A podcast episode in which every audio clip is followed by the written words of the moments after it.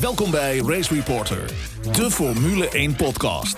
Racereporter.nl Welkom bij Race Reporter, de Formule 1 podcast. Vandaag het eerste deel van onze special met een onderwerp waar we van weten dat veel van jullie warme gevoelens koesteren.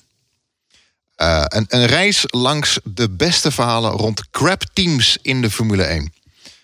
We zitten hier met ons vaste team en ik heb jullie al een tijd niet gezien, dus uh, stel je nog even voor. Ik ben uh, Charlie Alving, nog 32 jaar, marketingmanager, Formule 1 liefhebber. ja, wat doen we nog meer? Een beetje simracen nu in deze tijden. Ja, ik ben Jeroen Demmendaal, schrijver. ik doe iets met communicatie en ik ben ook groot Formule 1 fan. En ik ben tenslotte Jeroen Scholten. Ik ben de oudste van allemaal, maar ik noem mijn leeftijd niet. En ik ben een groot racefan. Nou, Charlie, is het veel te simracen? Zo nu en dan, zo nu en dan. Het is goed te doen. Met bekende mensen ook. Ja, dat wel. Ja, dat, dat, vind het, eh, dat maakt het voor mij wel een stuk uitdagender hoor. Met uh, onder andere Rob Campus, Joey Alders, Bijtke Visser, uh, Rudy van Buren, onze oude McLaren simulatorcoureur. En nog wat namen die ik hier waarschijnlijk vergeet. Maar nee, ja, superleuk. Ik vind het prima, prima vertoeven zo in deze tijd. Je hebt eigenlijk geen raceseizoen meer nodig dan?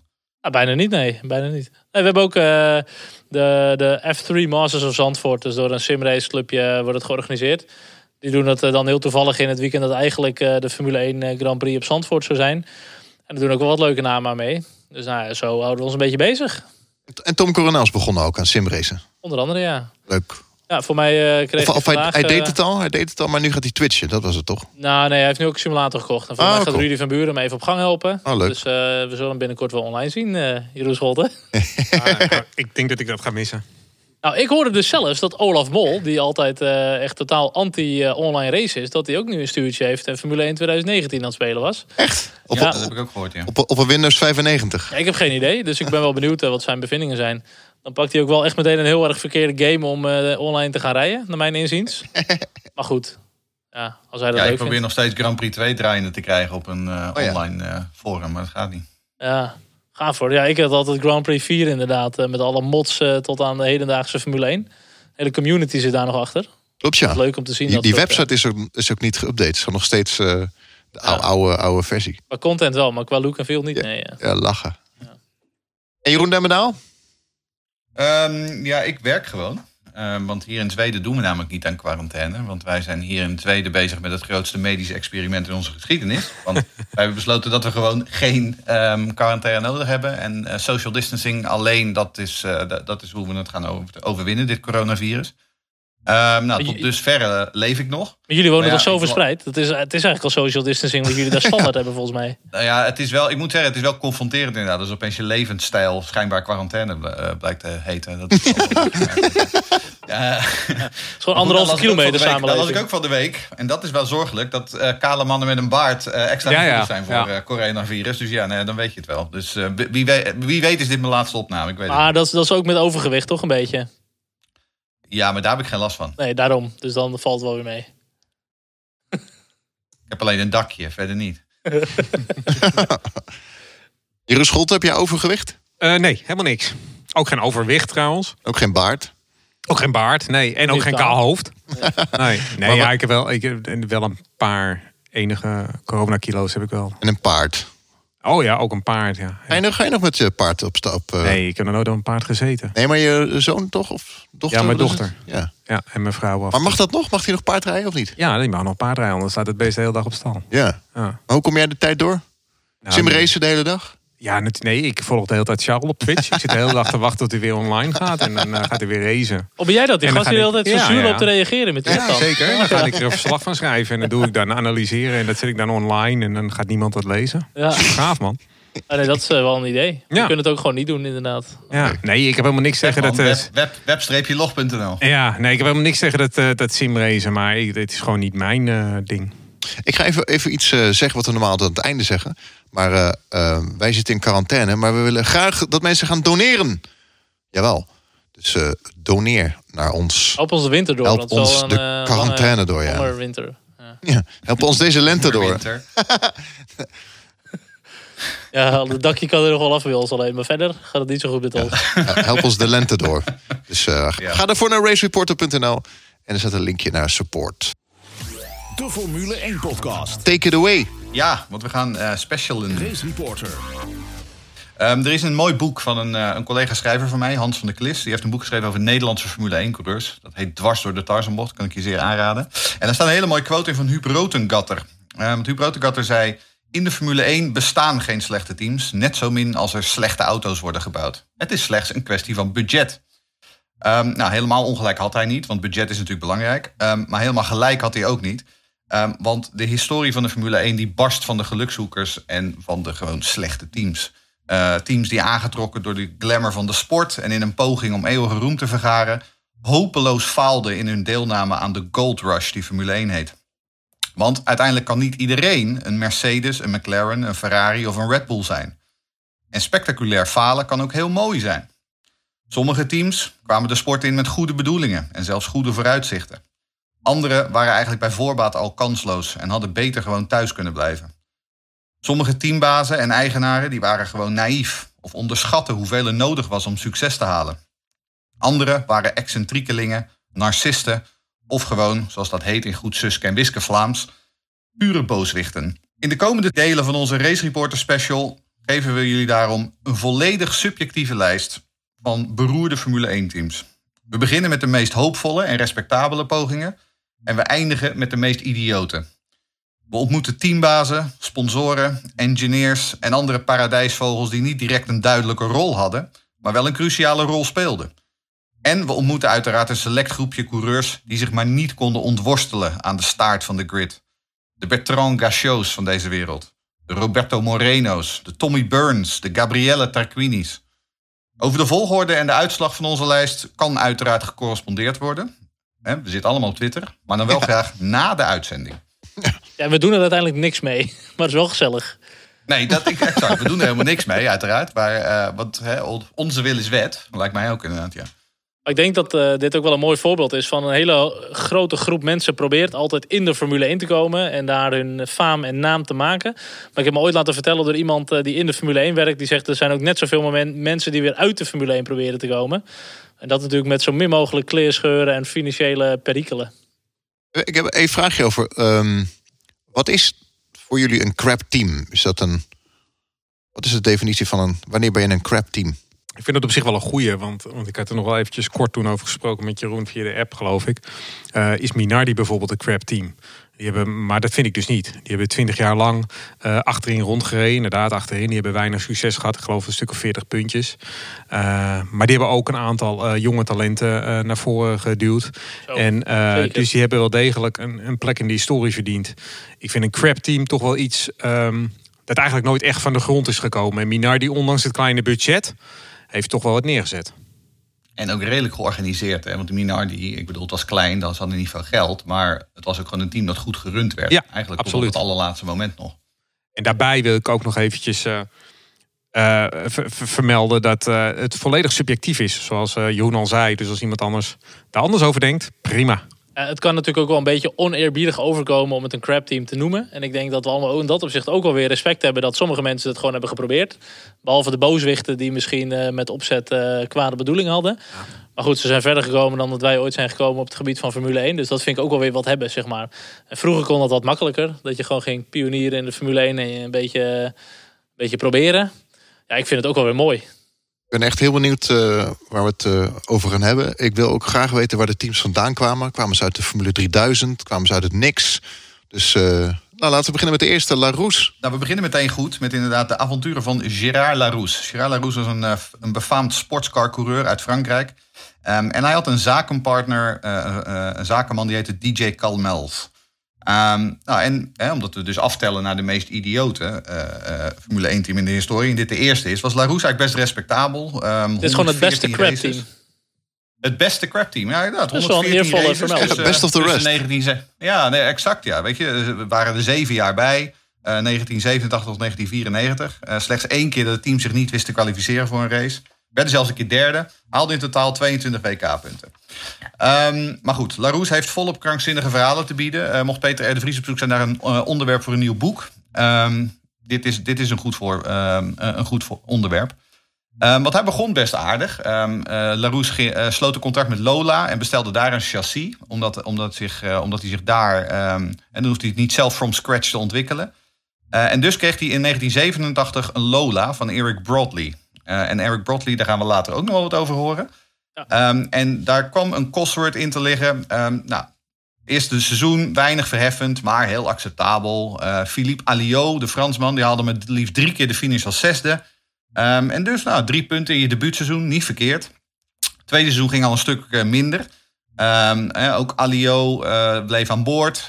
Maar de eerste keer dat ze, dat ze zich niet kwalificeerden. Maar in Japan het debuut van Aguri Suzuki. In 1989, toen begon het echt heel eh, interessant te worden voor Larousse. Ehm, voor ons liefhebbers van anti-helden en waanzinnige verhalen. Eh, het seizoen begon echt heel slecht. Eh Yannick Dalmas die kwalificeerde zich niet voor de vijf eerste races. En kreeg de zak. Ehm, en Alio die viel alleen maar uit. En dus kwam het team halverwege het seizoen in de pre-kwalificatie terecht. Nou, en dan gaan we nu naar onze senior in deze groep. Want de pre-kwalificatie, Jeroen, leg dat even uit aan de, aan de luisteraars. Wat was dat? dat is nu bijna niet meer voor te stellen. Maar in vroeger jaren had je zoveel coureurs op de grid. eh, grid. Er mochten er maar 26 starten. En eh, eind jaren 80 had je volgens mij iets van eh, tegen de 20 teams met iets van 39 of 38 coureurs. En dus hadden ze voor de normale kwalificatie hadden ze op vrijdagochtend hadden ze nog een pre-kwalificatie. En als je dan een nieuw team had of een team wat eh, het jaar ervoor zonder punten waarschijnlijk, dan moest je daar in gaan starten om jezelf eh, bij de eerste vier van de pre-kwalificatie, dacht ik uit mijn hoofd. eh, De beste 30 moest je bij ja, en dan moest je de, de, de beste vier van de pre-kwalificatie mochten zeg maar door naar de gewone kwalificatie. Dus zeg maar de Ferraris, McLaren's en zo, die hoefden dat niet te Die doen. hoefde niet te pre-kwalificeren. Nee, nee, nee, nee. Het was echt alleen voor die beginnende teams. Ja. Dus eigenlijk Ja. voor alle crap teams die hier tussen staan en in die jaren actief waren, die moesten allemaal pre-kwalificeren. Dus Larousse heeft dat best wel vaak wel gehaald. Ja, daarvoor zie je ook eh, zo meteen terugkomen het hele verhaal dat heel veel teams eh, niet gekwalificeerd, niet gekwalificeerd, niet gekwalificeerd, continu. Ja. En dat is niet gekwalificeerd vaak voor de kwalificatie al niet. Ik wil het zeggen, dan krijg je dus de afkorting DNQ. Dat is gewoon niet gekwalificeerd. Maar je hebt ook DNPQ. En dat is niet voorgekwalificeerd. En dan ben je echt heel slecht hoor. Maar goed, die komen straks allemaal. Ehm, wat veel erger was, eh, 1989, was dat die partner van Gérard Larousse, die DJ Calmels, die had inmiddels het toneel verlaten. En die was in een Franse eh, gevangenis terechtgekomen. Waarom? Nou, eh, DJ had een vrouw. ehm, en volgens DJ eh pieste die vrouw een beetje buiten de pot. En daar was ons DJ niet zo van gediend. Dus wat deed hij? Hij schoot haar dood. En ook in Frankrijk mag dat niet. Ehm, dus DJ Calmels werd veroordeeld tot zes jaar gevangenis. Maar de Franse immers echte romantici bestempelden het als een crime passionnel. En dus mocht hij na twee jaar weer vrij uitgaan. Ehm, heel fascinerend verhaal. Eh Calmels dook later ook weer in de Amerikaanse racerij op. Maar hoe dan ook, terug naar Larousse. Ehm, 1989, een drama. Gerard was zijn financiële partner kwijt. Maar gelukkig was daar een Japanse onderneming en die nam de aandelen over. Maar voorwaarde was wel, Aguri Suzuki moest in die auto komen. Nou ja, vooruit. Zo, zo doen we dat maar. Ehm, naast hem kwam een jonge Fransman, Eric Bernard, die later ook nog voor Ligier zou rijden. Die was in 1989, ehm, had hij in de Formule 3000 gereden. En in 1990 ging het eigenlijk heel goed. De Lola kreeg een Lamborghini achterin. Finishte regelmatig in de top 10. Eh, in Silverstone eindigden ze zelfs allebei in de punten. Maar het echte hoogtepunt zou in Japan komen, waar diezelfde Aguri Suzuki op wonderbaarlijke wijze als derde finishte. Ehm, we hebben het, eh, Suzuka 1990, dat is natuurlijk de befaamde Senna-Prost crash in de eerste ronde, eerste bocht. Eh, we kennen er allemaal dat, eh, dat moment nog. Ehm, en er finishten maar tien auto's die, die race. Ehm, maar Suzuki bleef wel gewoon de beide Williamsen van Patrese en Boutsen voor. Dus al met al, aan het einde van de, van de rit, 11 punten, zesde in het WK constructeurs. Maar beter dan dat zou het niet meer worden. Ehm 1991, stuk minder, slechts twee WK-punten. Ehm, Suzuki had ook een dramaseizoen, eh, werd zesde in de eerste race. Daarna viel hij alleen maar uit of hij kwalificeerde zich niet. Plus die Japanse geldschieter, die hadden zich teruggetrokken. En dus eind 1991 moest Larousse zichzelf failliet laten verklaren. Ehm, en wat deed hij toen? Toen verkocht hij eh, een meerderheid van zijn aandelen aan Venturi. En ehm, dan zie ik Charles kijken, die denkt... hey, Venturi, dat ken ik, van die elektrische grasmaaiers. Die elektrische karretjes. je zegt, groot. Zeker. Ja. Maar destijds maakte Venturi Amerika, eh, maakte sportauto's. Ehm, en er kwam ook een nieuwe ontwerper, Robin Hurt. Ehm eh, dat was de voormalige oprichter van March Engineering. En twee nieuwe rijders, Bertrand Gachot en Ukio Katayama. Die kennen we ook allemaal nog wel. De man met, het hele, met, de, met de schuddende nek, zeg maar. De wildbewegende nek achter het stuur. En dankzij hem kwamen er ook weer nieuwe Japanse investeerders aan boord. Dus alles was eh, eh, koek en ei. Maar nu komen we bij mijn favoriete Larousse-anekdote. Want uh, Venturi was eigenlijk in de zomer van 1992 waren ze er alweer klaar mee. En die wilden hun aandelen verkopen. En toen kwam er een vriendelijke Duitser genaamd Rainer Waldorf. Hij was een investeerder en hij zegt van ik wil graag deze aandelen wel overnemen. Totdat bleek dat Rainer Waldorf eigenlijk Klaus Waltz heette. Um, en een Interpol arrestatieorder tegen zich had lopen wegens vier gruwelijke moorden. Uh, oftewel, van betrouwbare partnerskies had ons Gerard niet echt direct kaas gegeten. Um, en het verhaal rond Waltz is, is, echt geweldig. Op een mooie ochtend in 1992 uh, eh, kwam er een clubje Franse gendarmes aan de deur van zijn villa. En die wilde graag een huiszoeking doen. En toen zei Waltz, nou oké, vooruit, dat, dat, dat, is prima. Maar mag ik eerst nog even wat uit mijn werkkamer halen? Ja, dat mocht. Um, en hij keurde dus terug naar de, in de hal uh, bij die agenten. En hij had een handgranaat in zijn hand. En toen zei hij, oké, jullie kunnen kiezen. Of we gaan met z'n allen de lucht in. Of ik neem jullie politiechef mee als gijzelaar en ik ga er vandoor. Nou, het werd het laatste. Uh, de andere agenten werden vastgebonden aan het meubilair. En Wals ging er met de chef vandoor. Nou, die werd later elders gedumpt en uh, Wals leek gevlogen. Totdat hij een maand later in een Duits hotel weer werd gevonden. Maar nu door de Duitse politie. Uh, dat resulteerde vervolgens in een vuurgevecht van negen uur. Waarbij Wals doodgeschoten werd. Oftewel, Larousse en, en de financiële partners, het viel allemaal niet mee. Um, en daardoor kunnen we ook 93 grotendeels overslaan. Dat was een ander, een ander erg matig seizoen. Maar 1994, um, toen, toen leek het er bijna wel weer op aan het worden dat Larousse de weg naar boven had gevonden. Ze een nieuwe sponsor in de vorm van wat later Danone zou worden. En dus reden de Larousses in de kleuren van Kronenburg. Um, uh, de jongens onder ons die in 1994 Formule 1 kijken, die, die herkennen die auto, die auto nog wel. Uh, nog steeds een van mijn favoriete liveries. Ja. Um, en um, er kwam een jonge Fransman, Eric Comas. Um, en die eindigde twee keer als zesde. En die harkte ook zo wat puntjes bij elkaar.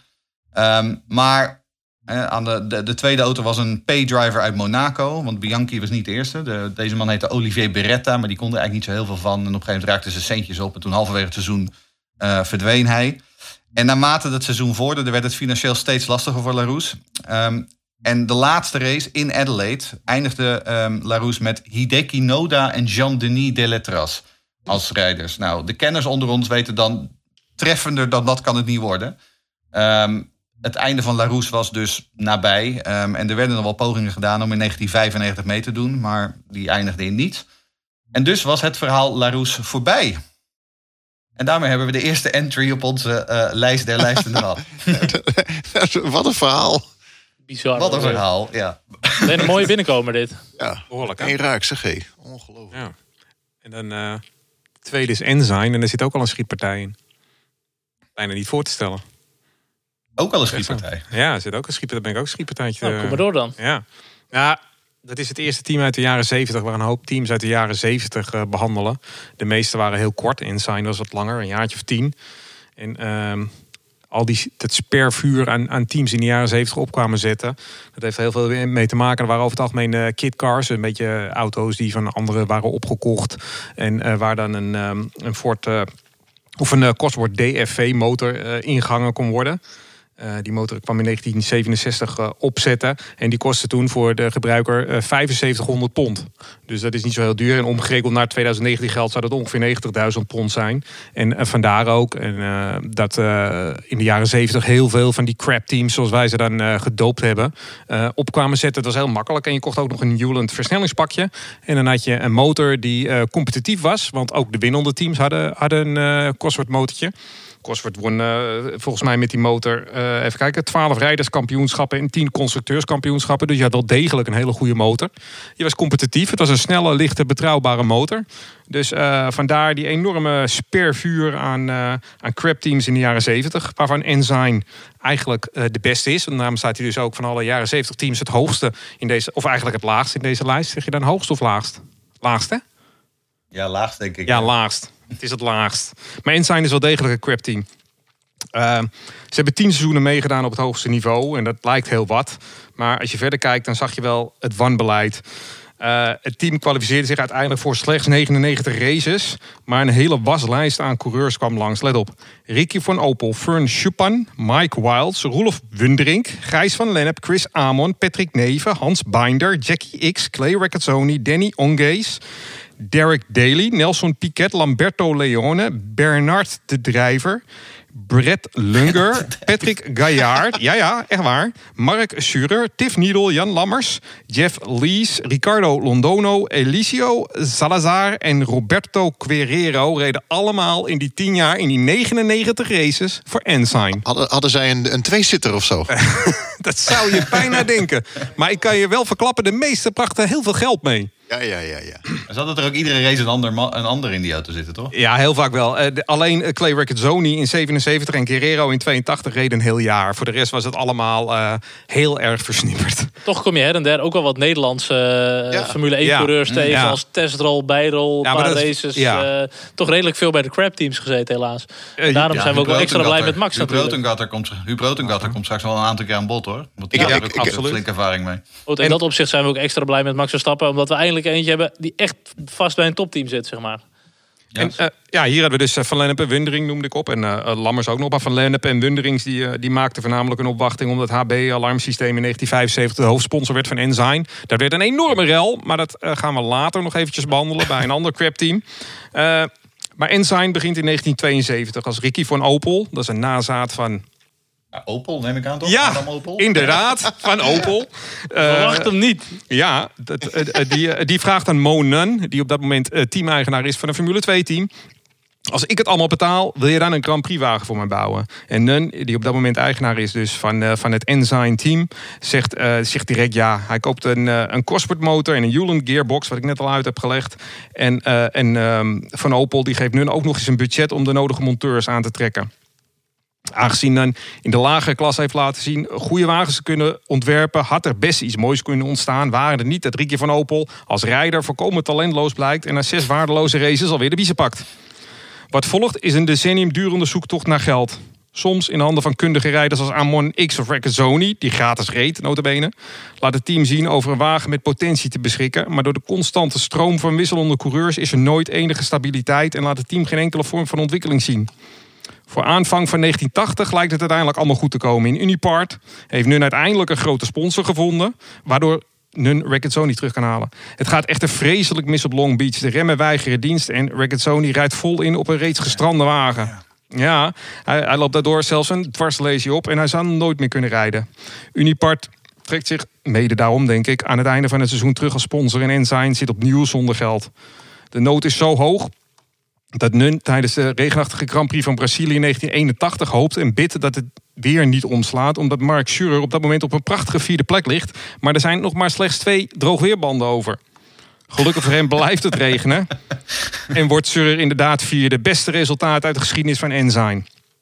En dan ineens, een jaar later, eh, als we voor Brazilië eh, staan, eh, wordt Schurer er weer uitgezet. Want dan komt ineens Ricardo Londono opzetten. Dat is een coureur uit Medellin in Colombia. hij heeft Medellin. nauwelijks raceervaring en hij komt Oh. met dubieus geld opzetten. Maar Mo Nun, ja, die zit zo omhoog qua geld. Die, die, gaat zijn, die gaat niet checken waar dat geld allemaal vandaan komt. Dus die zegt van, nou ja, je mag van mij in Brazilië wel racen.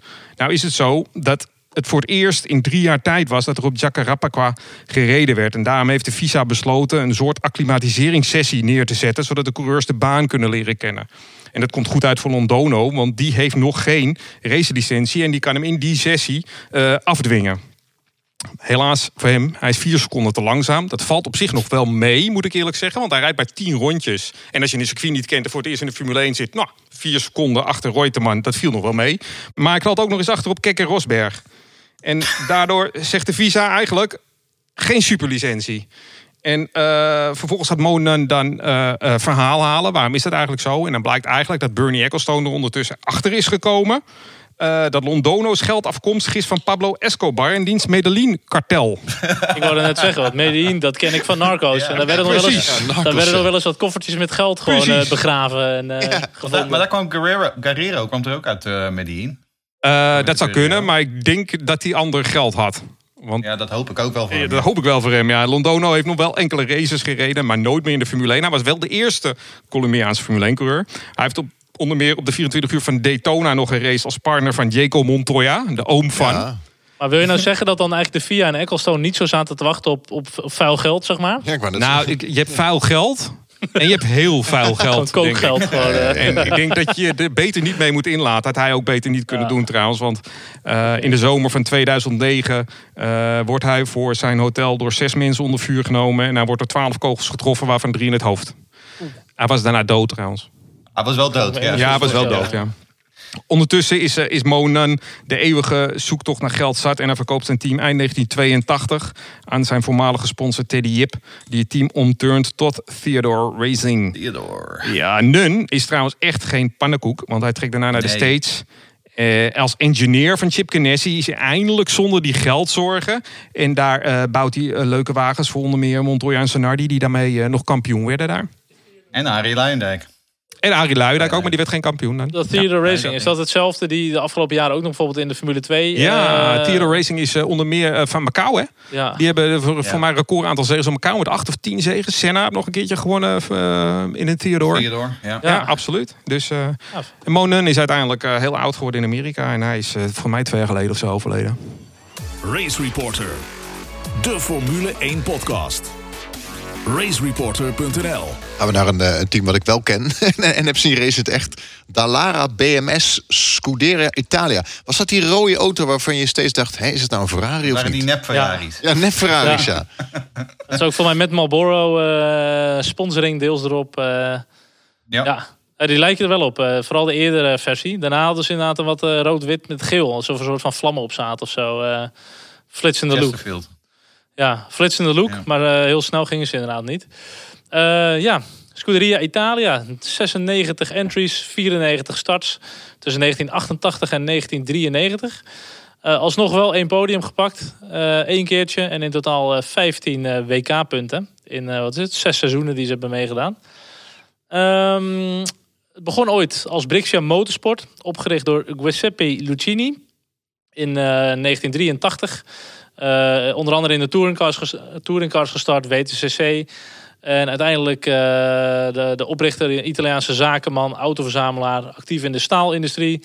eh, die besloot inderdaad een Formule 1 avontuur aan te gaan met eh Gianpaolo Dallara. Nou, dat is misschien de achternaam wel bekend. Nou, waar je denkt dat hij van is, is die ook van, van Dallara, die natuurlijk op dit moment een redelijke historie hebben in het bouwen van, van raceauto's.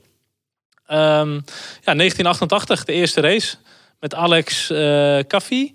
Ehm, begonnen met een Formule 3000 chassis en een oude Cosworth eh, V8 motor. Ja, totaal kansloos dat seizoen. Inderdaad ook een paar eh, did not pre-qualify, retired, punteloos, kansloos. Nou, 1989 ging het al iets beter. Twee auto's aan de start. Eh, echt een goed, eh, een beter chassis van de Lara. Eerste, eerste punt en ook een, eh, een enige podium in de historie van hun eh, Formule 1 deelname. Ehm, ja, verder, ik kan... eh, Even erbij zeggen dat toen waren er andere puntentelling. Dus dat is nog best wel knap. Hmm. Ja, maar het was nog steeds wel de eerste zes, hè? Ja, ja. Nou zie ik dat eh, JJ Leto ook nog een podium heeft gepakt in 1991. Dus ik weet niet welk hier dan klopt. Want volgens mij hebben ze dan twee podia gepakt. Deze Leut heeft ook nog bij Benetton gereden. En Sauber, toch? Ja, en het zou Ja, best Leto kunnen. reed inderdaad in die Scuderia Italia. Het zou best kunnen dat hij een keer derde gefinished Volgens mij is het inderdaad inderdaad, twee keer een podium geweest. Hmm. Maar goed, ehm, uiteindelijk het, eh, ze zijn het avontuur begonnen met Dallara. Alleen daar zijn gewoon niet de resultaten uitgekomen die ze ooit eh, eh, hebben gehoopt, zeg maar. En uiteindelijk zijn ze inderdaad ook overgestapt naar de... Even kijken hoor. Ja, naar Lola, laatste seizoen. Met Luca Barouer. Nou, die kennen we ook nog wel. Die voor mij eh, vrij laat nog een keer in de Ferrari is gestapt. Ehm, ja, seizoen 1993, laatste seizoen ook niet eens afgemaakt. Eh, het, het team is uiteindelijk overgegaan in Minardi. De Giancarlo Minardi, die hem inderdaad eh, het team heeft overgenomen. Giuseppe die bleef inderdaad tot 1995 nog bij het team. En die hebben zich daarna weer op zijn passie gaan richten. En dat waren toch echt wel de, de touringcars. Hmm.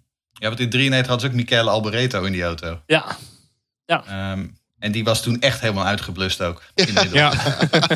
ja, maar nog wel een racewinnaar bij Ferrari. Volgens mij vijf races of zo gewonnen. Zoiets. kunnen jullie dit echt actief nog eh, herinneren? Want voor mij Ja. is het best wel moeilijk om eh, Ja, ja. in te Ja. leven en in te lezen. Ja, omdat ja. ik, ik heb dit nooit meegekregen. Nee. Jawel. Ik kan, me, ik, kan, ik kan ze me nog wel vaak herinneren. Ik weet ook dat voor mij, voor mij was het de, de Chessaries. Die geloof ik ergens eh, in, in de derde, vierde start in Phoenix. In die, in die net Ja. Ferrari. Ja, ja. 90 of 91. Dat, Ja. Daar staat me nog iets van bij met die Scuderia Italia's.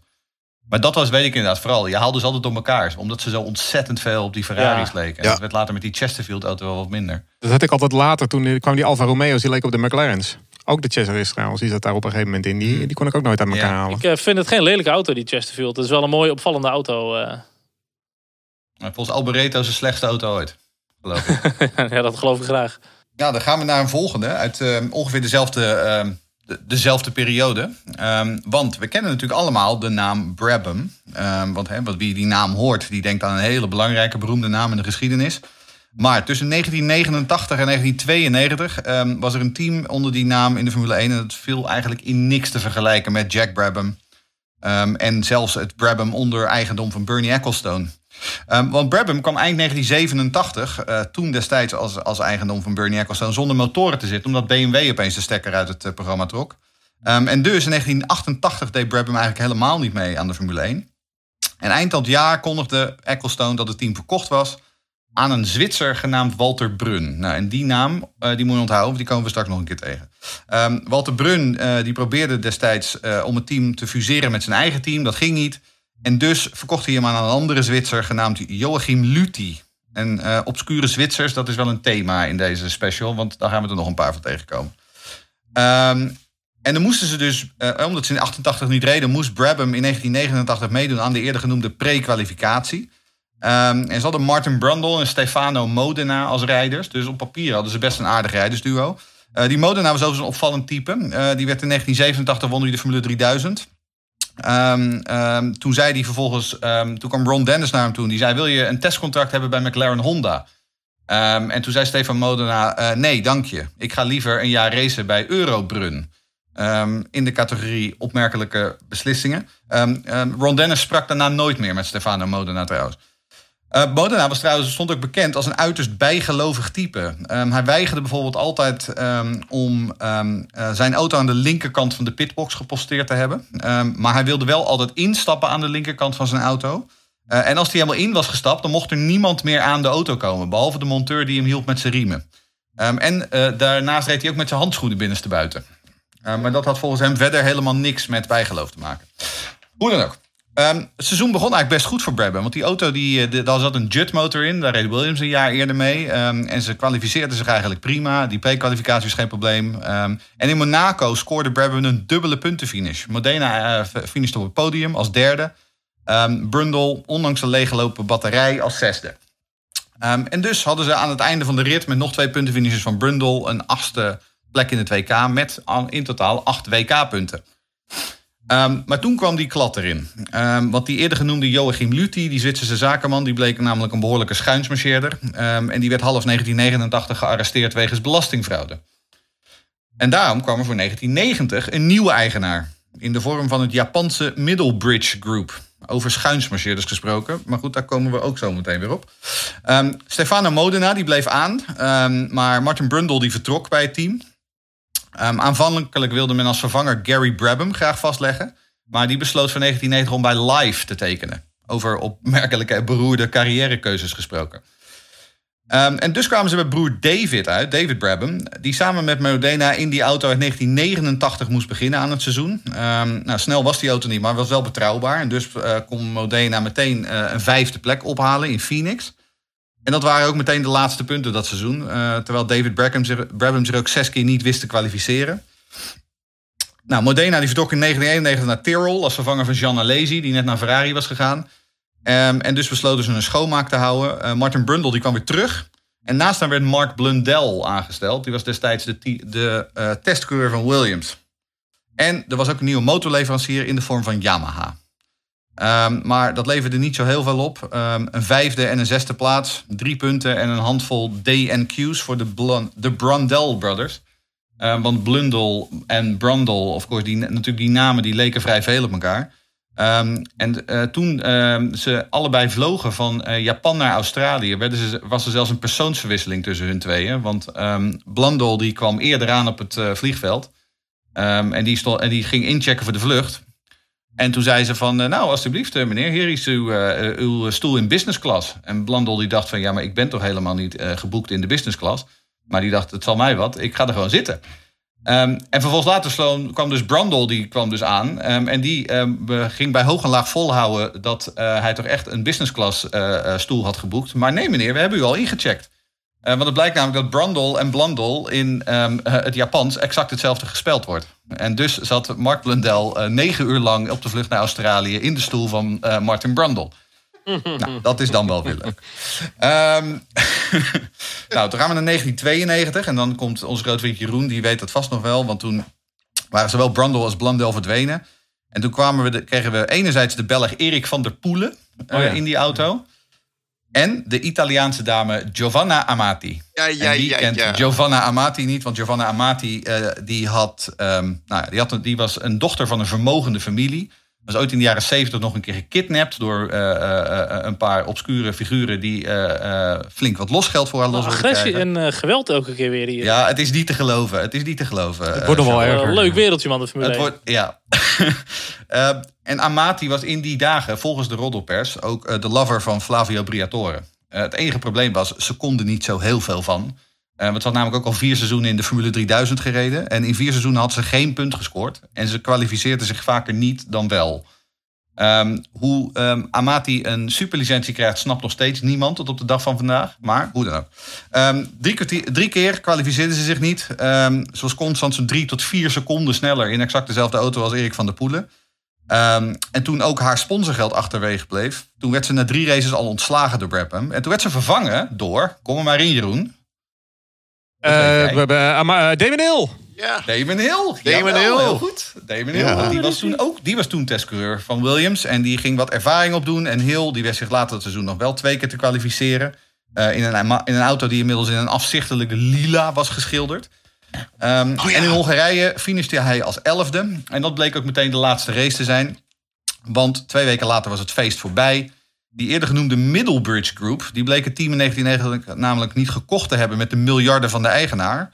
maar met geleend geld van een Britse firma genaamd Landhurst. En Landhurst die, had, die hadden zelf miljoenen van verschillende banken geleend... dat dan weer uitgeleend tegen exorbitant hoge rentes aan andere partijen... En dat werkt totdat je die rentes niet meer op kunt hoesten. En dat gebeurde dus met Middlebridge. En dus zakte het hele kaartenhuis in elkaar. Eh, uiteindelijk eindigde ook nog een hele rits mensen in het gevang... als gevolg van al het geschuif met centen. Maar het belangrijkste was dat Brabham definitief van de grid verdwenen was. En dat was dat. Ik weet het nog wel hoor, Damon Hill inderdaad. In die Ja, absoluut. lelijke paarse lelie. Schrikkelijk lelijke auto, ja. En die Amati, die, die, hoe heet ze, Amati dame? Ik, heb- ik heb het nog eh, op tv gezien inderdaad. Ik begon- Amati, ja. Ja. Ging de eerste keer in Kialami ging ze de baan op. En toen in de eerste ronde spinnen ze zes keer. Ja, Maar wel kwalificeren, hè, die Hill. Ja, ja heel wel, ja. Ja. Absoluut, ja. Nee, Nou, heel mooie verhalen.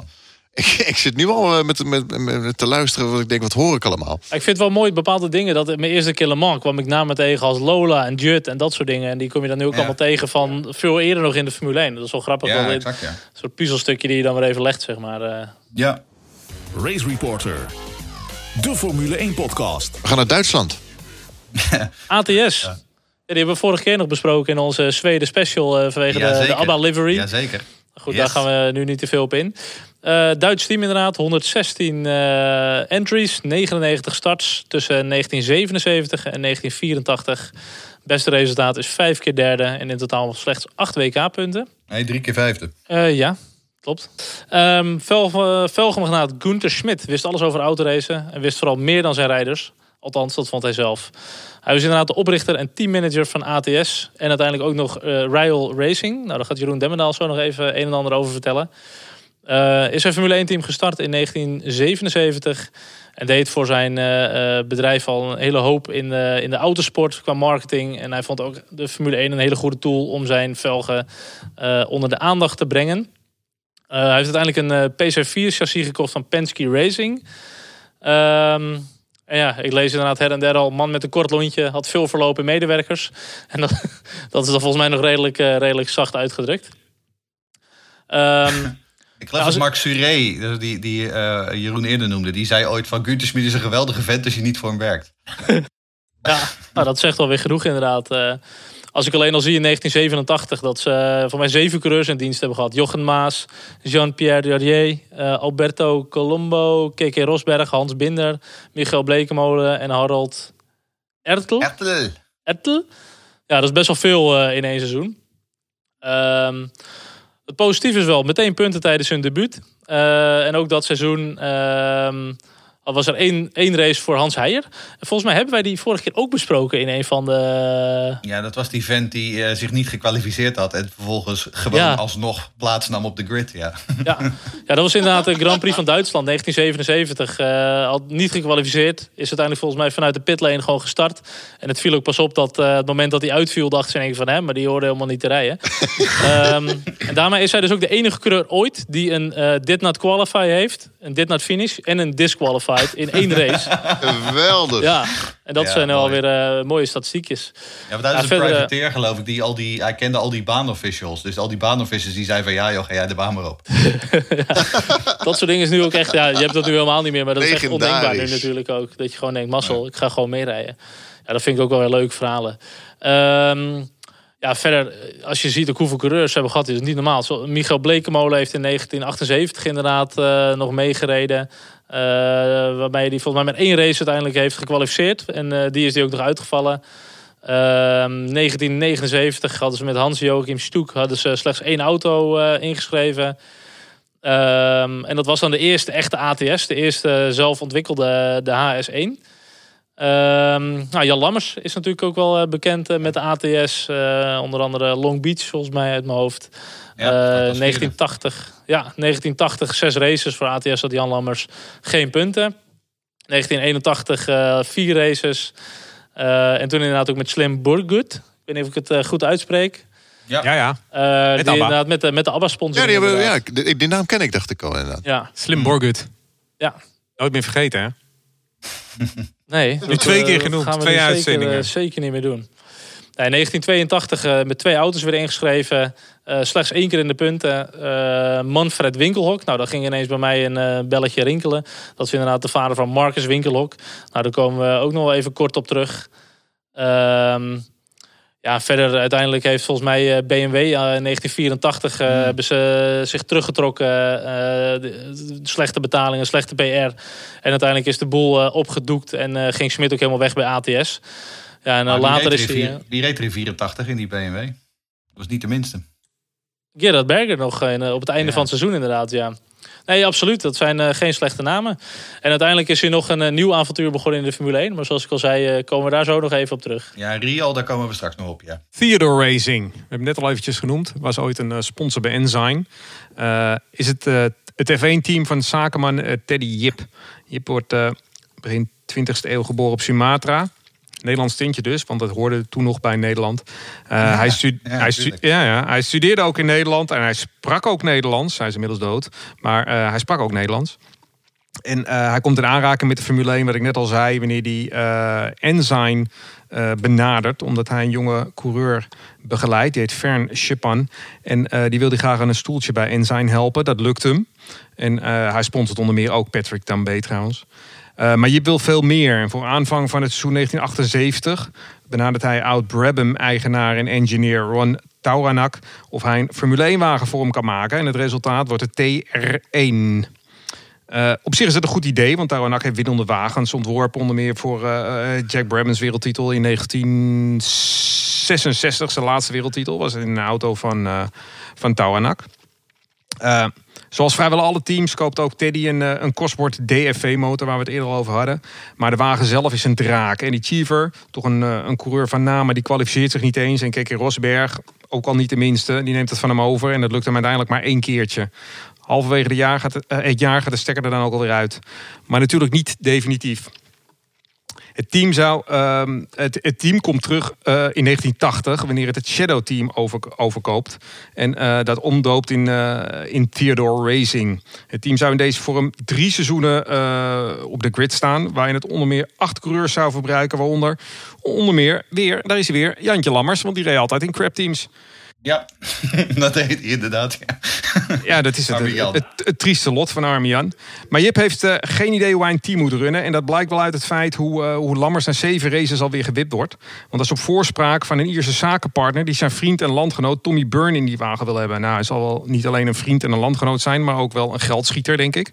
En uh, Burn rijdt op dat moment in de Formule 3 en doet het daar heel erg goed. Heeft daar races gewonnen, staat ook bovenaan. Maar hij heeft nog nooit een Grand Prix gereden. Uiteraard had Burn meteen toe, want hij wil ook graag de Formule 1 in. Maar tot op de dag van vandaag heeft hij daar spijt van.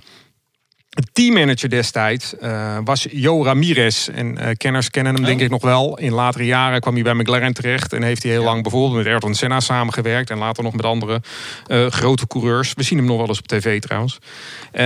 Ramirez kan het heel erg goed met Jan Lammers vinden en staat niet achter de rijderswissel. En, en Burn wordt er eigenlijk de dupe van. Het team weigert te luisteren naar Burns aanwijzingen om de auto beter te maken. En ze voeren niks uit van wat hij vraagt. Na de race op, op Caesars Palace drinkt het team een paar biertjes en valt Ramirez Tommy verbaal in het openbaar aan. Alles zou aan de coureur liggen, hij zou gewoon niet goed kunnen racen. Burn laat zich uit de tent lokken, scheldt Ramirez verrot, zegt uh, tegen hem fuck af. Uh, hij loopt weg en hij keert nooit meer terug. Is dat Burn eigenlijk ontzettend goed kon racen. Bewijst hij een paar weken later, want ondanks de gemiste races die hij voor uh, Theodore race, wint hij gewoon de laatste Formule 3 race van het jaar en de Formule 3 titel. Uh, daarmee verdient hij dan weer een testrit voor McLaren. En prompt rijdt hij dezelfde rondetijd als uh, vaste rijder Niki Lauda eerder dat jaar deed. Was op, was op Silverstone trouwens. Maar McLaren belt hem nooit terug. En Burn is daardoor heel erg zuur. En uh, zei recent in een documentaire... Uh, teambaas als Ron Dennis geven niets om rijders... tenzij ze Ayrton Senna heten. Ik heb nooit meer een kans gehad om terug in de Formule 1 te komen. Als je eenmaal een bad, shitty car hebt gehad zoals ik... is het allemaal voorbij. Nou ja, dat is ook zo, want we hebben hem nooit meer teruggezien in de Formule 1. En, uh, maar voor Theodore zelf is het ook wel bijna voorbij. Voor 1983 fuseert het team nog wel uh, met Enzyme.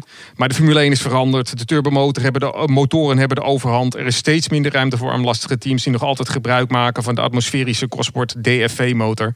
En na 1983 houdt Teddy Jip het voor gezien. Race Reporter, de Formule 1 podcast racereporter.nl. Uh, we gaan naar Engeland toe. Uh, Onyx. Nou, Onyx, uh, Onyx is het eerste van een aantal Formule 3000 teams in deze lijst. Die de sprong naar de Formule 1 waagden. Um, en na Jordan is Onyx misschien wel de meest succesvolle. In ieder geval in deze lijst. Um, want Onyx werd eind jaren 70 opgericht door de veteraan Mike Earl. En Mike Earl die wilde eerder al richting de Formule 1 gaan. Um, in 1983 was hij van plan om met Riccardo Paletti de stap naar de Formule 1 te wagen. Maar dat verhaal kende een vrij tragisch en voortijdig einde. Uh, toen Paletti om het leven kwam in Canada in 1982. Uh, maar daar gaan we straks ook nog wel meer over horen. Uh, en dus bleef Onyx in de Formule 3000. Won in 1987 het kampioenschap met Stefano Modena. En dus werden er opnieuw plannen gesmeed, maar nu voor 1989. En aanvankelijk was het idee van Onyx om net als in de Formule 3000 met Marlboro sponsoring te rijden. want Earl en, en, en zijn mannen die wilden een soort McLaren junior team worden. Uh, hopelijk ook met Honda-motoren. Uh, want McLaren reed natuurlijk destijds met Marlboro en met Senna en Prost en Berger. Maar Philip Morris zei nee. Um, en dus was dat plan gezien. En toen moest er een, um, een vervangende geldschieter komen. En dat was een, nou ja, laten we zeggen, opmerkelijke man. Um, wie wel eens naar de Belgische televisie heeft gekeken, die kent hem. een bebrilde, langharige Belg genaamd Jean-Pierre van Rossum. Ja. Ja, Lucas. Prachtige man. Ja, nee, ik, sorry, er begint iets te dagen. ik heb deze auto dit jaar gezien. En oh. ene Wouter, onze fan, die heeft dit verteld, ja. Ja, want Jean-Pierre van Rossum, eh, die, die had eigenlijk meer weg van een, medisch, een soort medicijnman dan een zakenman. Een, een opmerkelijke verschijning. Lijkt een beetje op Jabba uit Star Wars. Ja, e- exact. Ja. Zo Jabba de Hutt inderdaad, ja. Nou, en, van, en Van Rossum die stemde dus in om met zijn bedrijf Monitron het team te financieren. En wat deed Monitron? Nou, Monitron ontwikkelde modellen waarmee je het verloop van de aandelenmarkt kon voorspellen. Dus het klinkt ontzettend solide en stabiele business. En betrouwbaar ook vooral. Ja, exact. Dat kan je wel voorspellen, ja. Ja. Um, maar Jean-Pierre die wilde de meerderheid van de aandelen hebben. Uh, dat bleek later wel een, ietsjes van een probleem. Um, en in zijn kielzog volgde Bertrand Cachot. Daar is hij weer. Terwijl de andere auto bestuurd werd door onze bekende Stefan Johansson, de Zweedse veteraan met een Ferrari en McLaren verleden. Uh, want Johansson die was goede maatjes met Alan Jenkins. En Alan Jenkins die, um, had natuurlijk samengewerkt uh, met Johansson bij McLaren. En hij was verantwoordelijk voor het ontwerp van die eerste auto. Um, het enige nadeel was wel dat hij in een soort onogelijke livery in roze en paars-blauw werd gehuld. Um, maar goed, op papier was het wel een goed team. Maar ja, door al die late wissels qua sponsoring en geldschieter uh, was de auto heel laat klaar. Um, en de shakedown uh, die werd dus gedaan op um, uh, een, een kartcircuit. Even buiten Rio, waar de eerste Grand Prix van het seizoen plaats zou vinden. Dus die auto was er helemaal niet mee getest. En die startten ze dus voor de eerste keer op eh, twee dagen voor de Grand Prix op een kartcircuit even buiten Rio. Ehm, en het bleek ook wel vrij snel dat kwalificatie voor die eerste races dat bleek onhaalbaar. De eerste drie races kwamen ze niet eens door de pre-kwalificatie heen. Maar vanaf Mexico begon Johansson zich te kwalificeren. En in Frankrijk volgde Gachot ook. Want om de een of andere reden, Paul Ricard, ja, die Onyx, die, die, die ging daar uitstekend. En Gachot en Johansson reden allebei in de top 6 in die race. Um, uiteindelijk viel Gachot uit met een technisch probleem. Maar Johansson eindigde keurig als vijfde en haalde de eerste punten. Nou, normaal gesproken zou dat dan halverwege het seizoen, als er opnieuw gemeten wordt, zou dat einde pre-kwalificatie betekenen. En toen werd Minardi vijfde en zesde in Silverstone. Helaas pindakaas. Maar het grootste succes zou komen in Portugal. Want weer een goede kwalificatie van Johansson. Veel uitvallers, waaronder een aanrijding tussen Senna en Mensel. En toen besloot het team om de bandenwissel maar gewoon over te slaan. En tankstops hadden we nog niet in die tijd. Dus naarmate iedereen de pitstop maakte, lag Johansson opeens derde. Um, en hij finishte ook als derde in die Onyx met eh, banden die vrijwel op de velg uh, liepen. Maar het podium was een feit. Um, wie de beslissing nam om niet te stoppen is nog steeds onduidelijk. Uh, Mike Earl die zei later dat zijn beslissing was. Terwijl Van Rossum uiteraard tegen heel veel iedereen claimde dat hij die beslissing had genomen. Hoe dan ook. Zes WK-punten in de pocket. Maar, dus de race toch uh, dat, uh, dat, uh, dat Menzel een zwarte vlag kreeg voor het achteruitrijden in de pitstraat. En vervolgens zijn ja. disqualificatie negeerde en Senna van de baan roste. En toen reed die Senna van de baan, oh, ja, exact. Ja, die ja, wedstrijd, ja. ja. Het was Terwijl hij al gedisqualificeerd was, ja. Het was een vrij chaotische wedstrijd inderdaad, ja. Maar goed, zes punten in de WK, zes WK-punten in de pocket, al met al niet verkeerd. Maar uh, daarbuiten werd het langzaam maar zeker wel een beetje een zootje. Uh, Mike Earl die verliet het team kort na Portugal. Dat had vooral met Van Rossum te maken. Um, want Van Rossum was uh, een soort. Ja, Van Rossum was een beetje een veenbrand. Dat begon langzaam maar zeker begon dat te roken. En dat, werd, dat werd een steeds sneller lopend vuurtje. Uh, wat tussen hem en uh, Gachot begon het steeds, meter te, steeds minder te boteren. Johansson presteerde ook gewoon beter. Um, Gachot zegt dat de druppel was toen hij uiteindelijk Jean-Pierre van Rossum ons een uitgebleven salarisbetaling vroeg. Want hij zou een salaris betaald krijgen, dat kreeg hij niet. En toen op een gegeven moment dacht hij van... Van Rossum, waar zijn mijn centen? En het, het, resultaat was dat hij ontslagen werd. Via fax trouwens. JJ ehm, Leto was zijn vervanger. Um, Johansson die kreeg ook uh, vrij laat uitbetaald. Uh, maar die kreeg wel alles betaald. Uh, want die zat namelijk in Japan in een hotelkamer. En toen kreeg hij een telefoontje van Van Rossum. En die zei, ben je op je hotelkamer? Ja, ik ben er. Oké, dan kan ik nu je salaris brengen. Alles. In één keer. Cash. In Japanse yen. Uh, en dus verliet Stefan Johansson met twee waszakken uh, uh, vol met um, cash Japans geld zijn hotelkamer. En dat was dus zijn salaris. Um, dat was de manier waarop Jean-Pierre van Rossum zaken deed. Um, hij klemde ook aan plein publiek dat hij met Alain Prost en Thierry Boutsen aan het onderhandelen was voor 1990. uiteraard, Prost en Boutsen hadden daar zelf geen idee van. Maar dat, dat, dat kwam er ook nog bij kijken. En Van Rossum zei dat hij publiekelijk met Porsche aan het onderhandelen was voor een contract van motoren ter waarde van 40 miljoen dollar. Nou, dat contract dat zou volgens Van Rossum betaald worden door een grote nieuwe sponsordeal met een investmentbank Rothschild. Totdat die zich plotseling terugtrokken en de Porsche deal in duigen viel. Nou, wat was daar aan de hand? Nou, volgens Van Rossum had dat er allemaal mee te maken met het nazi-verleden van Jean-Marie Balestre. Van Rossum die, uh, gooide een, organiseerde een grote persconferentie in Parijs en die claimde dat de Joodse familie Rothschild niet geassocieerd wilde worden met Balestre. Um, nou, of dat, of dat waar was, dat weten we niet. Uh, sceptici die meenden vooral dat Van Rossum op zoek was naar een manier om zich terug te trekken zonder gezichtsverlies. Maar na een hoop vijf en zes werd het team uh, door Van Rossum verkocht aan twee Zwitserse zakenmannen. Daar zijn ze weer, obscure Zwitserse zakenmannen. Uh, Carl Voitek en Peter Monteverdi. En voor 1990 werd het team vervolgens Monteverdi genoemd. Leto die bleef aan als rijder. Samen met een hopeloze Zwitser genaamd Gregor Wojtek. En ja, dat was inderdaad de zoon van mede-eigenaar Karl. Dus dan weet je wel hoe goed die man was. Um, nou, er was natuurlijk nauwelijks geld voor ontwikkeling, of laten we zelfs zijn onderhoud. Um, de geruchten gedurende dit jaar werden steeds hardnekkiger dat gebroken onderdelen als ophangingen uh, niet vervangen werden, maar gewoon weer opnieuw aan elkaar gelast. Is wel goed voor de veiligheid ook. Um, en Peter Monteverdi die had een collectie van antieke sportauto's en klassieke sportauto's. En volgens de geruchten werd ook die collectie geplunderd voor reserveonderdelen. Um, Autosport uh, Magazine die omschreef Monitron om, inmiddels als Team Koekoeklok. Um, het, het, werd een beetje het lachertje van de paddock.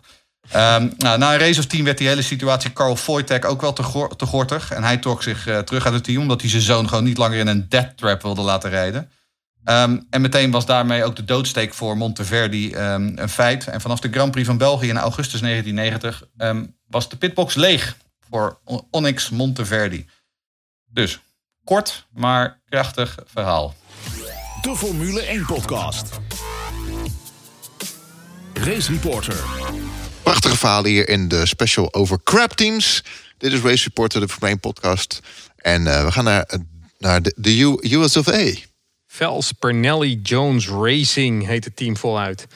Eigenaar Pernelli Jones. Dat vind ik zo'n mooie naam. Dan moet je wel echt een eigen team uh, beginnen. Of een film maken. Parnelli Jones en The Temple of Doom. Heb jij ook uh, Parnelli Jones uh, schoenen? Klinkt wel. Dat ja. ook zo'n naam had inderdaad. Ja, ja. Parnelli Jones en The Last Crusade. Ik heb een uh, nieuwe Parnelli Jones tas. klinkt wel goed. Ja, klinkt ja. goed. Parnelli Jones horloge heb ik. Parnelli Jones schoenen. Oh echt? Heb je Parnelli? Ja, dat oh, vet. Parnelli Jack and Jones. Ja, Parnelli Jones. En dan komt uit Arkansas. En hij won de Indy 500. En hij won de Indy 500 inderdaad. Ja. Hij, wint, hij wint sowieso uh, races in alle type auto's waarin hij stapt. Want die man die kan zelf heel, uh, heel erg goed uh, racen. Ook in off-roads wint hij. Grootste triomf inderdaad 1963. De Indy 500. Een, een, een, een uh, vrij, vrij bekende race in Amerika. As far as I'm concerned, zegt Mario Andretti in 2010 dan ook over Jones, was hij de beste racer van zijn generatie. Dat is nogal heel wat als, als Andretti dat zegt. Of hij dat als teambaas ook was, dat zegt Mario dan weer niet. Maar dat Parnelli ook als teambaas heel wat in zijn mars heeft, blijkt wel als, als hij in, in de Amerikaanse race een eigen racerij een eigen team begint. Zo wint El Anzer Junior, nee senior, begin jaren 70, tweemaal op rijden in die 500 in een Parnelli. Parnelli wil echter de Formule 1 in. Iets wat hem als rijder niet lukte. Al heeft hij in de vroege jaren 60 wel een mogelijkheid gehad. Hij kon bij, uh, bij Lotus racen, wil het verhaal. Colin Chapman heeft hem uh, zelf benaderd. Maar hij wilde hem graag als tweede rijder hebben achter Jim Clark. En uh, Parnelli zei daarover: Ik wil achter niemand tweede rijder worden. Ook al is het Jim Clark.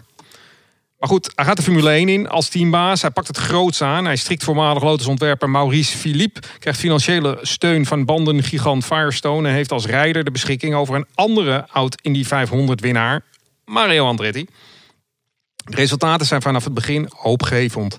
Uh, Andretti voelt zich thuis in de door Philippe ontworpen rood-witte VPJ4, die wat weggeeft van een McLaren. In Spanje gaat Andretti zelfs aan de leiding totdat zijn ophanging afbreekt. In Zweden en Frankrijk grijpt hij net naast de podia met plekken 4 en 5. Maar in, in Brazilië gaat het helaas mis, want Firestone maakt uh, bekend stoppen met de Formule 1. Parnelli kan halverwege het jaar weliswaar overstappen naar Goodyear, qua banden dan.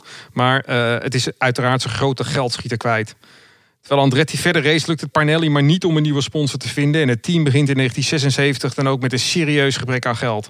In Zuid-Afrika pakt Andretti nog een knappe zesde plek. Maar Parnelli heeft dan echter al besloten dat hij vanwege de geldnood eerdaags de deur moet sluiten. Sterker, hij is al bezig plannen te ontwikkelen om de Cosworth DFV-motor om te turnen tot een turbo-variant die hij op Indy kan gaan inzetten. Hij vertelt het Andretti echter niet en die hoort het van een bevriende journalist terwijl hij op de startgrid van Long Beach staat te wachten voor de start van de derde race van het jaar. Andretti is not amused en uh, valt na afloop nogal uit tegen Parnelli en neemt per direct de wijk naar Lotus. Long Beach zou daarmee de laatste Grand Prix voor Parnelli Jones blijken. Een team dat in zijn korte historie eigenlijk heel veel potentie heeft laten zien, maar het is er nooit uitgekomen. Zeker omdat Parnelli in tegenstelling tot veel van zijn collega-team collega-teambazen die we in deze special behandelen, wel degelijk wist waar hij mee bezig was. Dat blijkt wel wanneer hij de turbo-versie van de DFV-motor, waar hij aan werkt, vanaf 1975 ingezet wordt op de Speedway in een voor Indy aangepaste F1-chassis. Met dit privéproject inspireert Parnelli dan weer Cosworth om de DFX-motor te maken. En deze motor zou uiteindelijk iedere Indy 500-titel tussen 1978 en 1987 grijpen. Een mooi Amerikaans verhaal. Ja. Uit Arkansas. Hij had ook nog een zoon, BJ Jones. Die nog een tijdje in die uh, Eagle reed van, de, van, Dan, uh, van Dan Gurney. Gurney. Ik, ik, zie het ook gewoon voor me, zo'n zo'n verhaal. Als ik het hoor. Mm. Als ik het jullie hoor vertellen. Ik vind het prachtig. Duitsland is het land waar we naartoe gaan. Ja, oh ja, we gaan nu inderdaad naar Rial. Want hè, wie dacht dat Günther Schmidt na ATS zijn buik wel vol zou hebben van de Formule 1? Niets bleek minder waar. Um, want voor aanvang van het seizoen 1988 werd Rial Racing geboren. En dat is weer een vehikel ter promotie van een velgenfabrikant. Uh, want Schmid die had zijn aandelen in ATS verkocht. En in plaats van daarvan had hij geïnvesteerd in een concurrent, Rial. Nou, begon hij dus weer een F1-team. Um, zeven werknemers en Schmid zelf. Groter was het team niet. Ehm, wat hij wel deed, is dat hij Gustav Brunner, die ook al voor ATS-auto's had ontworpen, die wist hij weer te overtuigen om een auto te ontwerpen. Uh, Brunner had inmiddels een aantal jaren zijn sporen verdiend bij Ferrari. Uh, in het midden van de jaren 80. En het is dus niet zo gek dat die Rial ARC1, zoals de auto heette, um, die leek wel heel veel op de Ferrari Formule 1-wagen uit 1987. Um, en de bijnaam was dan ook snel geboren. De blauwe Ferrari heette die auto. Um, en Andrea de Cesaris, die werd aangesteld als rijder. Um, niet in de laatste plaats vanwege zijn Marlboro-sponsoring. Um, nou, de Cesaris die was niet heel erg onder de indruk van het team. Vergeleek het een beetje publiekelijk met een Formule 4-team in plaats van een Formule 1-team. Maar hij vertrouwde ook op zijn eigen kwaliteiten. en ja, uiteindelijk uh, deed Rio het best aardig. In de eerste wedstrijd in Rio lag hij uh, lange tijd zesde, maar daar gaf de motor de geest. Um, en betrouwbaarheid uh, bleef een probleem. Um, maar meer serieus was het gerommel tussen Schmid en Brunner. Dat begon al heel vroeg. Uh, want Brunner die claimde dat hij niet betaald werd voor zijn werk, ondanks afspraken. Uh, en na Hockenheim hield hij het voor gezien. Maar in zowel Mexico als Canada kwalificeerde de Cesaris zich als twaalfde. En in Montreal was hij op weg naar een vierde plek, toen hij zonder benzine kwam te staan. En dat zou niet de laatste keer zijn, want het bleek namelijk dat Rial al dan niet bewust een ultra kleine benzinetank had gebouwd. Um, en dat was op zich best wel goed voor het gewicht, want die auto was vrij licht. Maar in lange races, waar je uh, veel benzine verbruikt, um, konden ze gewoon het einde niet halen. Um, maar gelukkig een race later in Detroit bleef de Rial op de baan. Uh, de meeste anderen vielen uit. En opeens uh, eindigde de Cesaris als vierde met drie punten. Nou, dat is niet gek voor een, week, voor een team met acht werknemers. Dat je toch gewoon drie WK-punten op je naam hebt staan. Um, dat was meteen ook het hoogtepunt van het seizoen. In alle andere races dat seizoen viel die uit. Um, in Monza uh, crashte die omdat het stuurwiel afbrak. Terwijl hij um, uh, de eerste chicane instuurde. Nou, voor 1989 ging Schmid en Rial vol op de Duitse Tour. de Cesaris die vertrok naar Dallara, naar BMS Dallara, waar Charles het eerder over had. Uh, en er kwamen nu twee auto's die bestuurd werden door Christian Danner en Volker Weidler. Twee Duitse Formule 3000 sterren. Uh, nou, die Weidler die kon er eigenlijk vrij weinig van. Uh, en die kwalificeerde zich geen enkele keer. Terwijl Danner in Phoenix, weer in Amerika, uh, opnieuw een vierde plek haalde. In een, in, in een wedstrijd waar eigenlijk bijna iedereen uitviel. Maar werd later een goede was... analist. Werd later ja, een goede analist. absoluut. Ja. Reed ook later nog ja. in de DTM en reed nog in de IndyCar. Ja. was een goede coureur. maar het probleem was dat die Rial natuurlijk gewoon een opgewaardeerde versie van de 88-auto was. En naarmate dat seizoen vorderde, haalde ook Danner de grid niet meer. En Schmid die kon daar niet zo heel goed mee omgaan. Um, want uh, tegenslag dat was hij niet zo goed mee. En toen besloot hij, net als in zijn ATS-dagen... dat hij eigenlijk wel de beste man was om de setup van de auto te, te bepalen. Dus wat de rijders en de engineers daarover te zeggen hadden... Daar, daar, dat werd gewoon genegeerd. En hij ging vervolgens bepalen hoe die auto uh, um, um, afgesteld moet worden. Nou, dat werkte uiteraard niet. En tot overmaat van ramp werd die Volker Weidler in Hongarije gedisqualificeerd... omdat zijn achtervleugel verkeerd gemonteerd was. En toen besloot Schmid dat de ontwerper de schuldige was. En dat die de boete van 5000 dollar maar moest gaan betalen. Nou, dat vond die uh, ontwerper uiteraard uh, geen goed idee. Uh, en die diende direct zijn ontslag in. Um, nou ja, Schmid die reageerde vervolgens door Weiter er ook uit te gooien. En die zette hier een Fransman in genaamd Pierre-Henri Raffanel. Maar ja, die Raffanel die, die, die kon ook niks met, die, met, die, met dat konijnenhok. Dus die haalde ook alleen maar DNQ's. En vervolgens, na Portugal, hield ook Danner het voor gezien nou ja, uiteindelijk eindigde de Rial als met afstand de langzaamste auto van het veld. Ondanks het feit dat ze toch wel gewoon nog steeds drie WK-punten op het bord hadden staan. Um, en aan het einde van 1989 gooide Schmid de handdoek. En was Rial ook verleden tijd. En dat was de laatste keer dat we iets van Günther Schmid in um, de Formule 1 gezien hebben. Hij heeft een goede poging gemaakt. Ja, absoluut. Ocella uit Italië. Volgende team. Uh, als je het toch hebt over crap teams. 11 jaar Formule 1, 132 starts en 2 punten finishes. Dat is niet heel veel. Dat ook nog eens, terwijl ze een aantal jaren min of meer het fabrieksteam van Alfa Romeo waren, kan je wel zeggen dat het uh, vrij beroerd is gegaan. Uiteindelijk is hun timing denk ik ook gewoon niet goed geweest. Zoals ik eerder al zei, kon in de jaren 70 kon je een goede poging wagen met een kitcar en een kurswoordmotor. Maar in de jaren 80 kwam daar verandering in. Omdat op motorenvlak de turbo's de macht steeds meer overnamen. En uh, de auto's die stapten steeds meer over op ground effect. En beide waren voor beginnende teams met kleine budgetten, zoals Ocella natuurlijk, onbetaalbaar. En Ozella, uh, Enzo Ozella, was de, de, de, oprichter en de naamgever van het team, is eigenlijk een romanticus. Een beetje zoals Giancarlo Minardi ook was. Een racefanaat, een echt Italiaan die in zijn loopbaan als teameigenaar dan ook acht keer een Italiaanse rijder aanstelde. Maar goed, geen heel erg goed verhaal. In 1980 begon het al niet hoopgevend. Coureur Eddie Cheever weet alleen op Monza de finish te halen als twaalfde in een heel seizoen rijden. De wagen is hopeloos onbetrouwbaar en eigenlijk gedurende alle elf jaren blijft de Ozella ook hopeloos onbetrouwbaar. Daarbij is ook nog eens log, zwaar en aerodynamisch inefficiënt. Jaar later gaat het iets beter. De finish wordt vijf keer behaald. Er moet wel bijgezegd worden, Ocella in 1981 met twee wagens rijdt... en het jaar daarvoor met eentje. Vooral Jean-Pierre Jarrier doet het redelijk met de wagen. En uh, op Long Beach haalt hij zelfs een prachtige vierde plek in 1982. Dus dat is keurig. Uh, maar in 82 gaat het ook vreselijk mis voor Ozella. Uh, de andere rijder namelijk naast Jarrier is de jonge en onervaren Riccardo Paletti...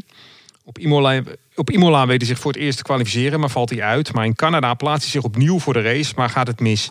Bij de start duurt het ongewoon lang voordat de lichten op groen springen. En de van pole position start onder Didier Pironi laat zijn Ferrari afslaan. En uh, hij steekt nog wel zijn hand uit de cockpit om de wedstrijdleiding te attenderen de race uit te stellen. Maar dat is te laat. De lichten flitsen op groen en het veld stormt naar voren. Op de afgeslagen Ferrari af.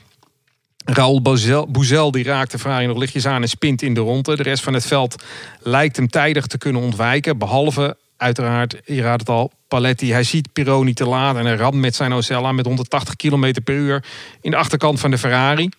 De klap slaat uh, hem meteen knock-out. Hij hangt in zijn auto tegen de stuur aan. Pironi stapt snel uit. Dr. Sid Watkins komt erbij. Ze proberen hem te stabiliseren. Maar dan breekt er nog meer chaos uit wanneer de benzine vlam vat. En de Ocella in no time in lichterlaaien staat. De moeder van Paletti die kijkt notabene toe vanaf de tribune. Hoe de marshals het vuur waar, zijn zoon, waar haar zoon middenin zit uh, proberen te doven. En wanneer het vuur is gedoofd, duurt het nog 25 minuten voordat Paletti uit de wagen is gehaald. Hij sterft onderweg naar het ziekenhuis aan een gescheurde aorta, slechts 23 jaar oud. Dat is wel het, uh, het dieptepunt van Ocella. Mm. Uh, maar het team ging wel verder. Weet jullie trouwens dat er nog een link is tussen Ocella en, uh, en, en Verstappen?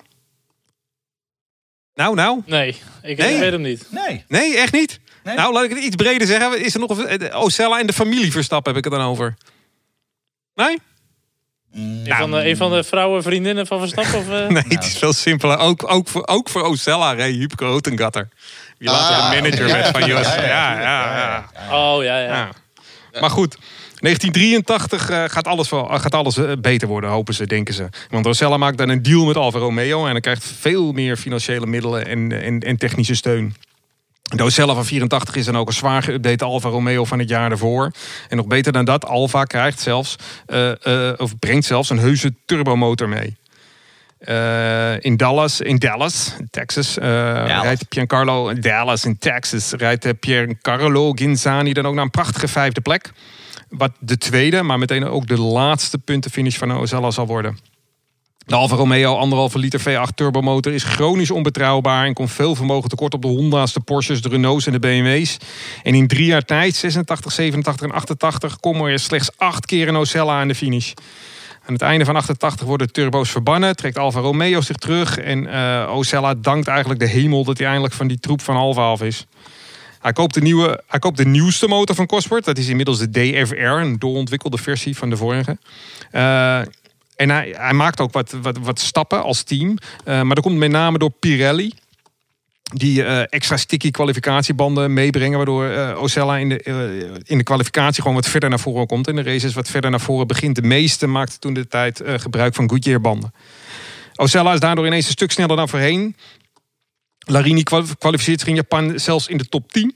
Helaas lukt het dat zelf maar niet om de wagens betrouwbaar te krijgen. Ze blijven maar stuk gaan. Iets wat het, uh, ja, al sinds oprichting is het zo dat eigenlijk het hele verhaal is onbetrouwbaarheid, onbetrouwbaarheid.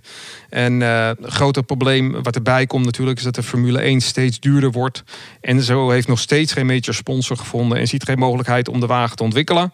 Het overmaat van ramp publiceert Kinzani zich in de slotrace van het jaar zo zwaar bij een crash met Nelson Piquet dat hij zijn loopbaan moet eindigen wegens een kapotte enkel.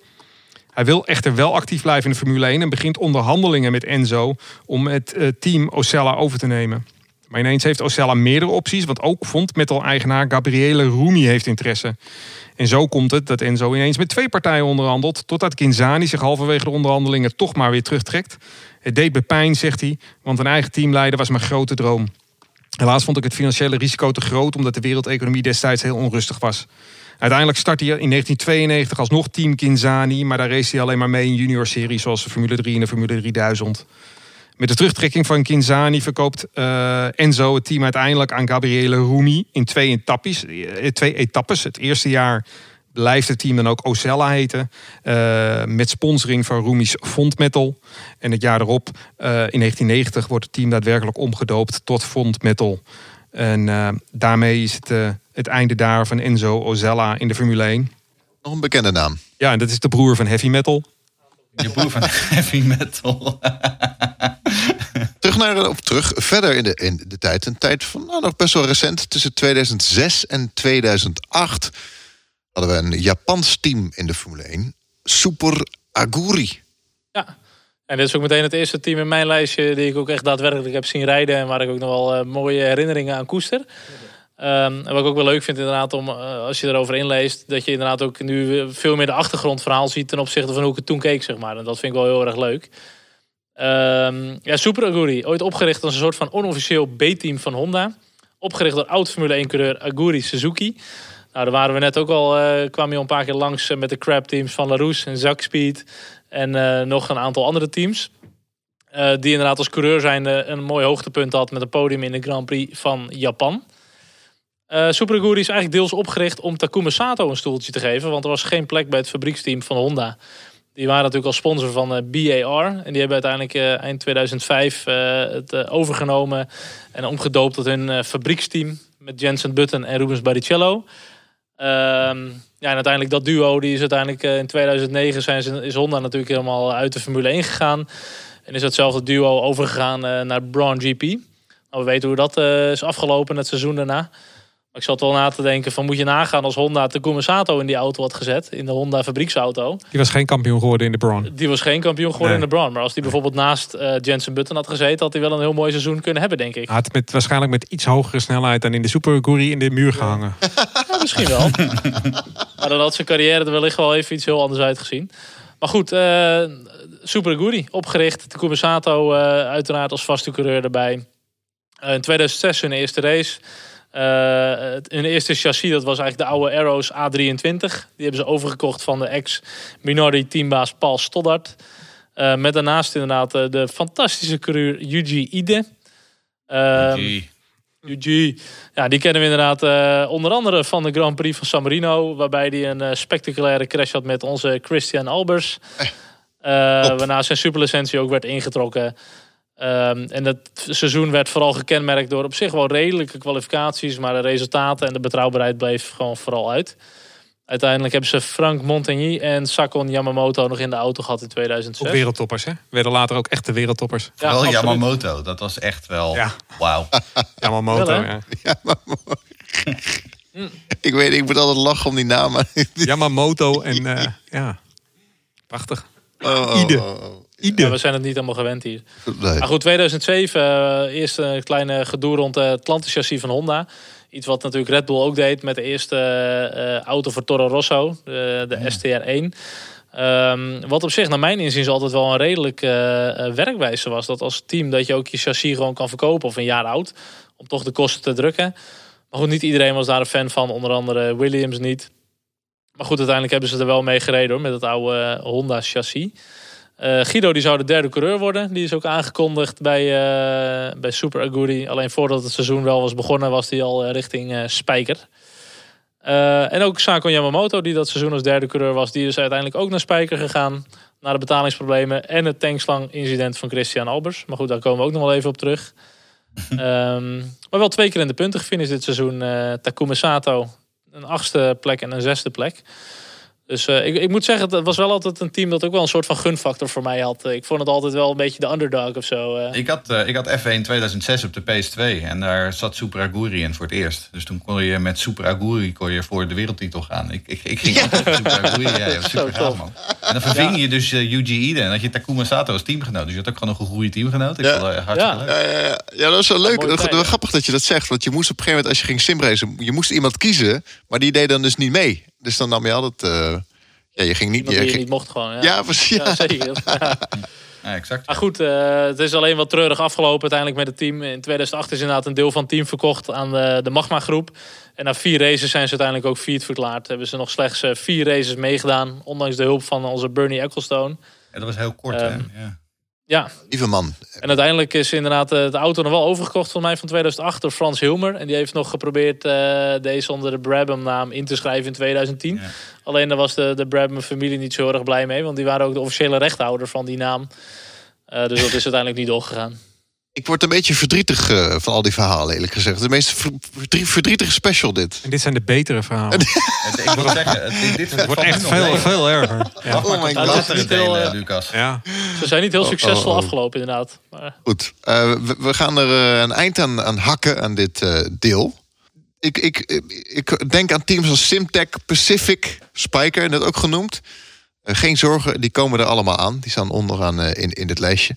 Tot zover deel 1 van deze special, de crap teams. ja, en blijf vooral hangen tot eh, de volgende, de volgende twee. editie.